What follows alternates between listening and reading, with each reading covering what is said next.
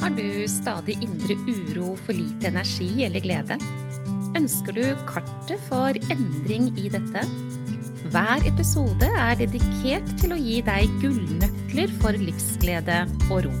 Du får strategier og innspill som hjelper deg fra nedstemt til oppstemt og fra uro til ro. Vil du ha en gratis oppskrift for å lage deg gode dager? Gå til www.gayabalanse.no for din herlige morgenrutine.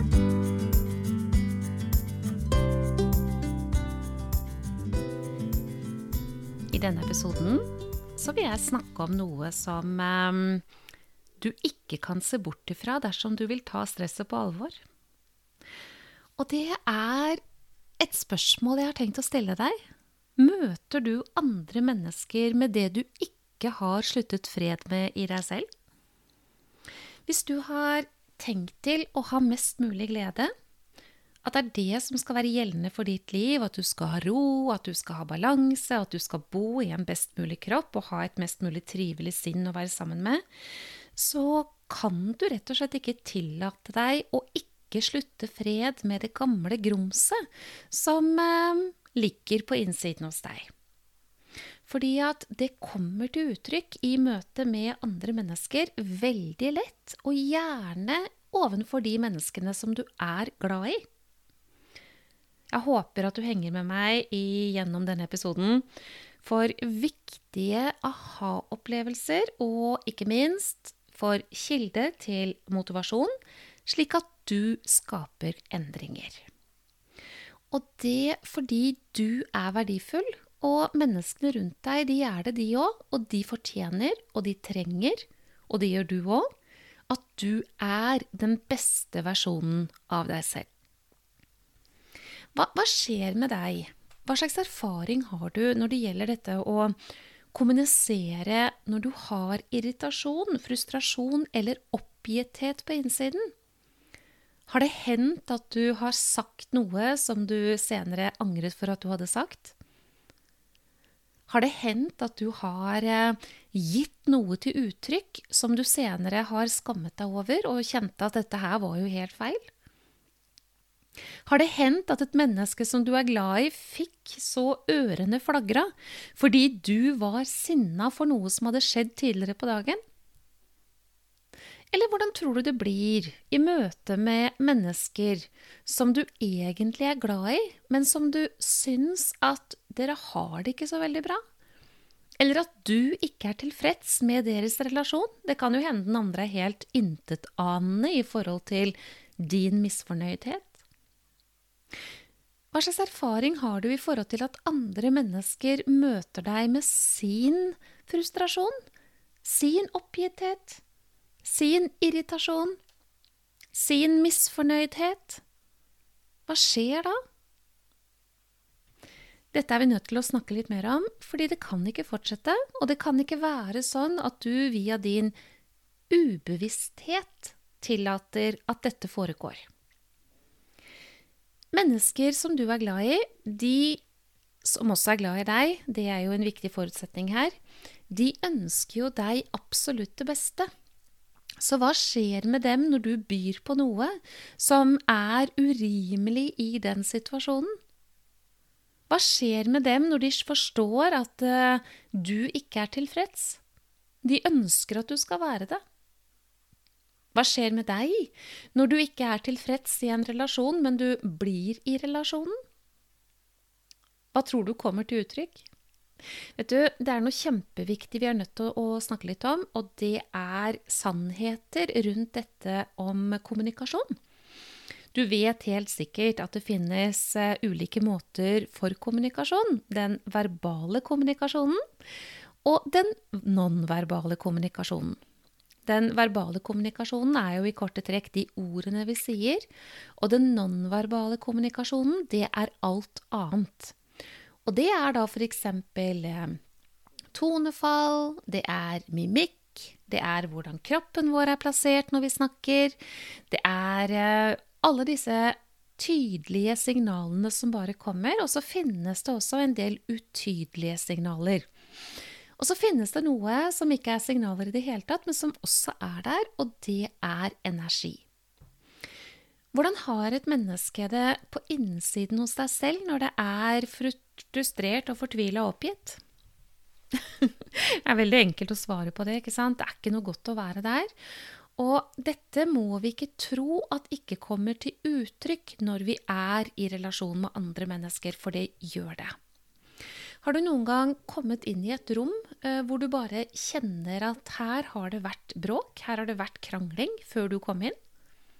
Jeg tror mange kan kjenne seg igjen i det. Og det er ikke noe rart i det hele tatt. Den fornemmelsen du får der, den er sann. Og det er fordi at da har det foregått et eller annet i det rommet, og den energien som dette har representert og gitt, det ligger i det rommet. Så når du kommer inn, så tar du det imot, og du skjønner ikke helt hva det er, men du får en fornemmelse av at dette er ikke greit. Akkurat sånn er det når du møter andre mennesker også. Altså Det du har på innsiden, dette med å late som man ikke er stressa f.eks., det kan man glemme, for det kommer til uttrykk. Det å late som om man liker noen og ikke gjør det, det kan man også bare glemme, for det blir merkbart. Og sånn er det hele tiden. Ansvaret for hva det er som skal komme fra deg, den eier du. Må bare minne deg om det. Og det er et særdeles viktig ansvar å ta. Hvordan responderer du hvis et menneske sier noe til deg, og så er du frustrert og fortvila oppgitt i utgangspunktet? Hvordan blir din respons da, kontra om du er rolig og har balanse og er, er ja, tilfreds? Ja, når jeg sier det sånn her til deg, så er jeg sikker på at du skjønner hva jeg mener. Det er vesensforskjell. Og det som er med dette her, det er at det som kommer fra deg, det serverer du til den andre. Og da kan det jo hende da at du også kjenner deg igjen i at det er de nærmeste, de du er mest glad i, som får mest av dette vanskelige fra deg. Det er eh, noen ganger sånn at vi klarer å ta oss sammen i ovenfor andre mennesker, Um, ikke fullt og helt, for den energien du har, den kommer til uttrykk. Men så gir vi liksom slipp på disse her portene våre og sperrene våre, og så lar vi det komme ut til mennesker som står oss nærme. En enkel forklaring på det, det er trygghet. Vi er mye tryggere på mennesker som står oss nærme, enn på mennesker som ikke gjør det. Men du, en gang så snakket jeg med et menneske som sa noe som egentlig er foranledningen til denne episoden. Og jeg valgte å notere ned ordrett hva hun sa, og det var følgende. Jeg snakker stygt og er nedlatende ovenfor min mann. Han er alltid rolig og tålmodig. Han er den snille, og jeg er den som irriterer meg over han. Han er jo ikke slik som jeg skulle ønske at han var. Og det ble ikke slik dette livet med han som jeg skulle ønske at det skulle bli. Mm. Tenk deg det. Fordi at denne kvinnen ikke hadde sluttet fred med det som var blitt, så var hun, som hun sa det selv, stygg og nedlatende overfor mannen sin. Og mannen, da, stakkar, han prøvde jo bare å leve livet sitt til det beste, og han var jo snill og god og glad og rolig og alt mulig, og møtte dette her furia av et kvinnemenneske stadig vekk. Og så spurte jeg henne, men hvordan har du det inni deg, kjære du, når du har hatt en sånn opplevelse?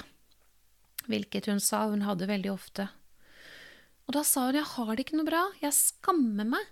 Jeg er ordentlig lei meg for at ikke jeg klarer å møte han på samme måte som han møter meg. Og det er akkurat som det irriterer meg litt òg, for jeg får det ikke til, og han får det til. Og det gjør det nesten bare enda verre. Jeg skulle nesten ønske han sa ifra til meg en dag at nå er det nok. men det gjorde han jo ikke.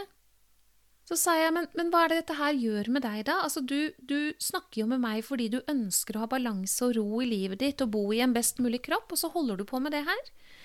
Hvem er det som eier ansvaret for den følelsen du har? Hvem er det som eier ansvaret for hvordan du skal møte? Hvem er det som eier ansvaret for å slutte fred med det som ikke ble som det skulle? Og der startet et stort stykke arbeid for denne vakre damen. Dette er en eh, nydelig dame som absolutt ikke mangler noe på verken intelligens eller utvikling på noe som helst slags vis, men fordi hun var et menneske som ikke hadde tatt ansvar for hvordan hun selv hadde det. Ikke hadde tatt ansvar for å la sorgen over det som ikke ble, bli ført til aksept, så gikk dette utover den mannen og den personen som betød absolutt svært mye for henne. Og det må slutte, fordi han fortjener det ikke, og hun kan ikke være i det. Vet du, du er ansvarlig for hvordan du skal ha det. Og dersom du tillater deg å møte med din egen følelse, så kan du snu dette.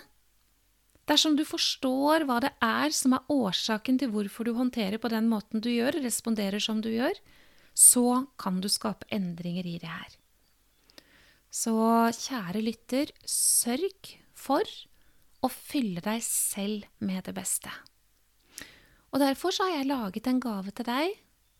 Hvis du ikke har tatt den imot, så gå inn på www.gayabalanse.no og hent din herlige morgenrutine så du kan starte dagen på beste mulige måte, fordi det vil gjøre noe for deg hver eneste dag, men det vil også gjøre noe for ditt møte med andre mennesker.